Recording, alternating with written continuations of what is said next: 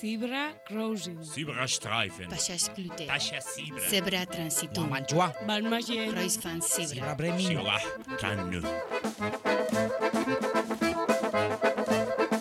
Bilabide leku berean elkartzeko. Zebrabidea.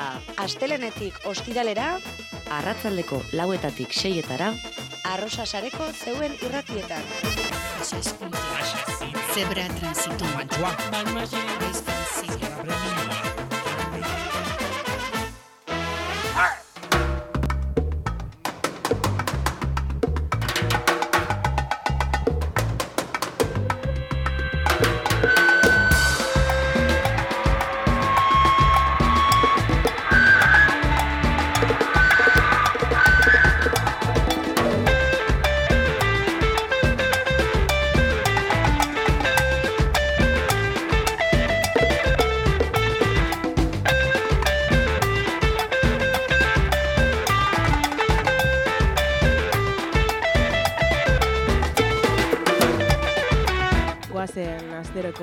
asteroko kolaborazioa tale ekitzera, gaurkoan argia aldizkariaren aurrerapen atala izango dugu, eta horretarako daukaguia John Turner argiako kidea kaixo, Jon, Arratxaleon. Atxaldeon zuei, Arratxaleon, gaurkoan gaur eh, beti bezala, pare bat artikulu aipatu esan ditugu, lehenengoarekin hasiko gara, lodifobiaren ingurukoa, ezta? Hori da, pixka bat e, lodifobia eta eta osasun gintza lotzitun erreportaje interesantia, eh? amaia lekunberrik idatzi duna, bueno, bi, biren artean idatzi dute, bi parte dauzka reportajeak, aurreneko partian pixkat e, amaiak e, kontatzen du, bueno, nola e, lodifobia terminoa geroz eta ezagunagoa zaigunez, baina e, galdetzen du berak zer da zehazki eta zein da duen magnitudea, ez? Eta aipatzen du ba arakatzen jarrita bera e, gehien konbentzitu duen definizioak e, alaxe dioela pertsona lodiak desabantaia, injustizia eta bazterketa egoerak bultzatzen dituen zapalkuntza da sistematikoki erreproduzitzen dena eta egiturazko izaera duena. Hori berakola dio eta esaten du karo, ba, egunerokoan eta ere morotan presente dagoen zapalkuntza bati buruz e, aigea, e, lodifobia zitza egiten dugunean, eta osasungintza ba ez da salbuespena, ez? Berak aipatzen du ba argaltasuna osasunarekin eta loditasuna osasun faltakin eh, lotzen ondorioz, ba osasunaren izenean harta lodifoboa jasotzea ez dala ezoikoa, ez? Eta ba zentzu hortan larriak izan leizkela albokalteak, ba harta desegokia jasotzeak, ba berekin dakarrelako osasuna arriskuan jartzia, ez? Eh helburuak bestelakoa izan bertzuenean.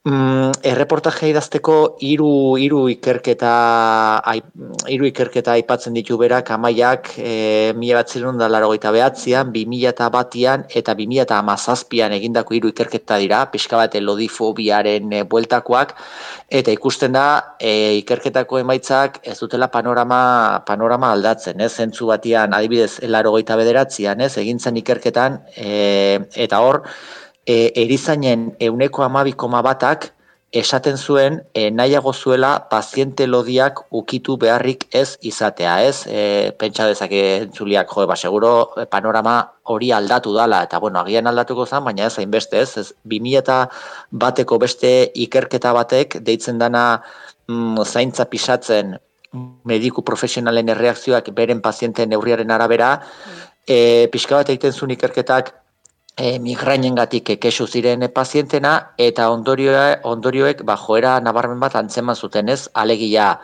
pazientearen e, gorputz masaren indizea edo GMI bezala ezagutzen dana hori handitu ala, ba, medikuek laguntza eskaintzeko prestutasun eta pazientzia txikiagoa adierazten zuten, ez? Eta gaur gaurko ze gertatzen da, ba, 2017an homek egindako beste ikerketa batek, e, txosten horren arabera, e, obesitatea dutenen, hau paziente, paziente zaida, obesitatea dutenen euneko irurogeita bederatzik, tratu diskriminatzaia pairatu du medikuen partetik, ez? Eta, bueno, reportajean lehenengo e, partian e, horren atzean dagoen e, guztia hitz egiten dugu amaia lekunberrik, eta bigarren zatia idatzi du June Fernandezek e, e, laguntza bidezko ugalk, ugalketari buruz, ez? E, titulartzat jarri dio bigarren zatiari, argaldu ezean osakidetzak ez zaitu intseminatuko, eta bueno, pues asuntua hori da, ez? E, laguntza bidezko e, ugalketaren e, unitate publikoek emakume melodiak e, kanpo uzten dituztela,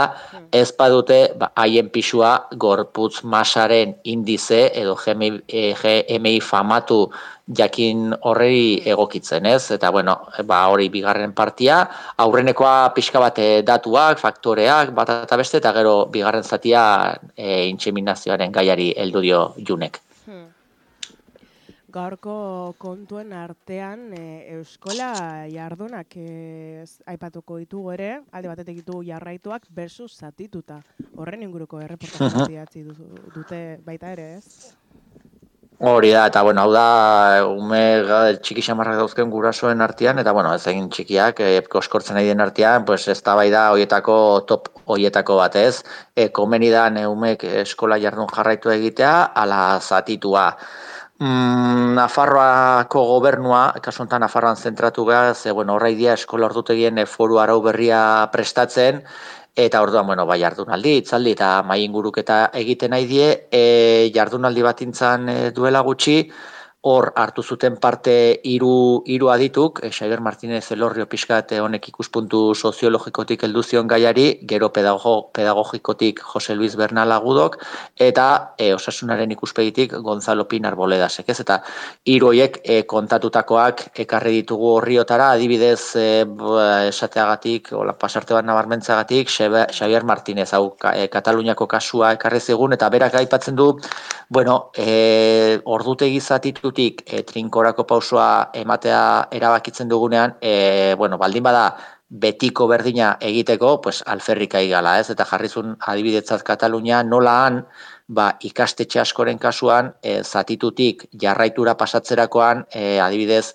jangelak, e, jangela batzu- batzuk itxi ziren, e, arratsaldeko eskolaz kanpoko ekintzak e, kendu egin zituzten, sozializaziorako pues, hain garrantzitsuak ziren e, hartu emanak e, desagertu egin ziren, eta bar, eta bar, eta azkenian ze pasazan, ba, zentroak bihurtu direla errendimendurako baino ez diren zentru, ez? Hori berak dioena, eta gero adibidez, e, kuriosoa iruditu zait, e, kontatzen duena e, Gonzalo Pinek e, nerabei buruz, eta, bueno, bera pixka bat da e, batxillergoa zizketan, eta berak dio batxillergoko ordutegiak naturaren kontra eginda daudela, ez? E, berak aipatzen du nerabeak behatzitan sartu behar, du, behar dula eskolan, eta ikerketa ugarik e, ala, ala esaten dutela, eta gero do, gehitzen du e, nerabe bati ematen diozun denbora estraren euneko larogeita zortzi baino gehiago, e, lo egiteko erabiliko du, baina e, hori gertatuko da beranduago esnatuko delako eta ez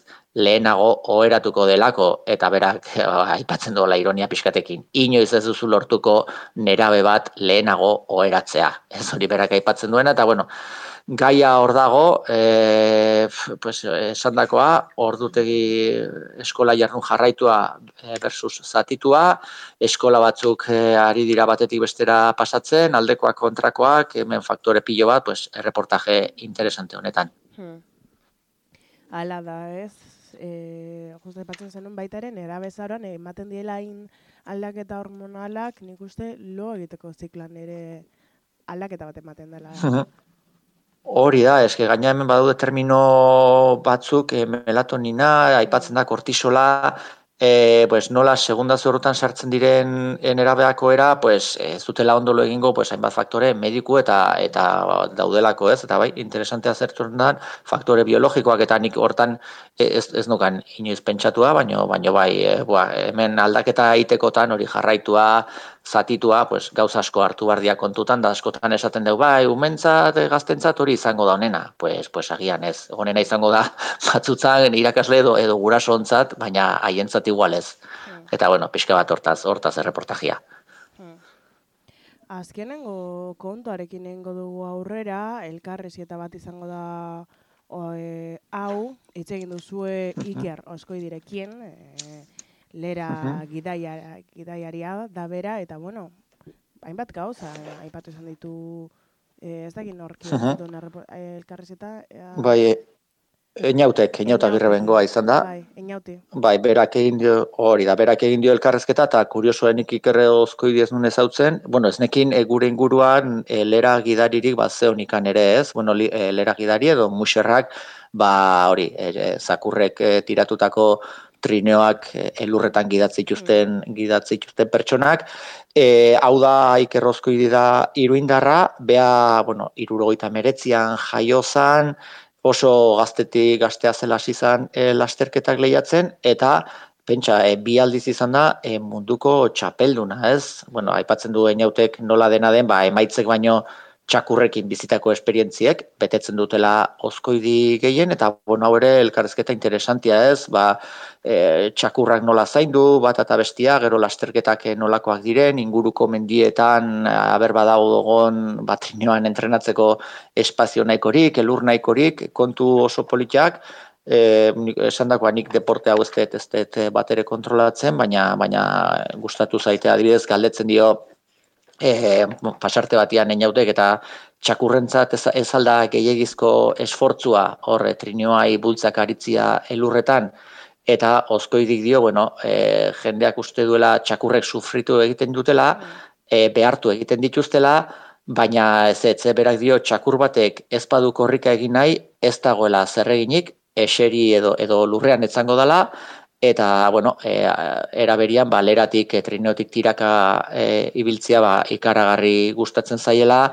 berak e, kontatzen du nola arnesa hartzen duen bakoitzean, ba aurpegia aldatzen zaiela eta saltoka hasten direla, ez? Ba pozez zoratzen, pues beraiek gustuko hori dutelako ba trinoari tira egin, korrika lasai egitea lurretan eta eta horrela kilometroak egitera, ez? Aipatzen du noski ez, ez dala kristolako kilometro sobrada bat egin behar, txakur bakoitzari egokitutako distantziak eta kontuan hartu behar direla, deskantzua, alimentazioa eta bar. Eta bueno, ba, kuriosoa, elkarrezketa esan dako gainautek egin diona ikerrozkoidi eh, lera gidari, gidariari. Ez dakit, eh, Jon, hemen utziko dugun eh, gaurko atale, edo zer gehiago da kasun komentatzeko.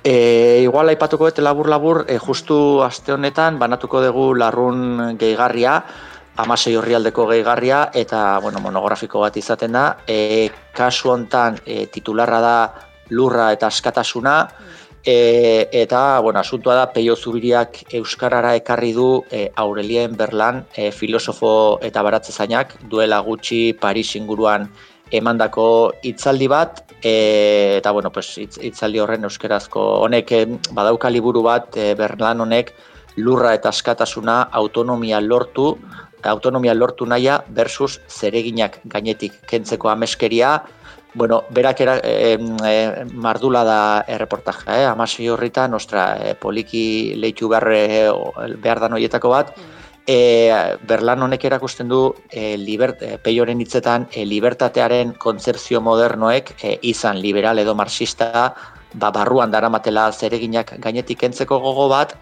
e, haren ondoros, ondorio sozial eta e, ekologiko e, sakonekin, ez? Hori da abia puntua, e, ikusten duzu ez dira ez dira hitz hitz edo nolaiko edo nolako hitzak barruan e, hainbat eta hainbat kontu, baina bueno, funtsean da hori e, Bernal e, Baratze zain eta filosofo honek emandako frantsesez emandako hitzaldi baten euskara euskarazko bertsioa. Hmm. Ederra, eskerrik asko e, Jon, gaurko aurreapenagatik. Ba, mi eskerzuei, gurekin izateagatik. Arratsalde ederra izan gero arte. Bai, berdin, aio jo.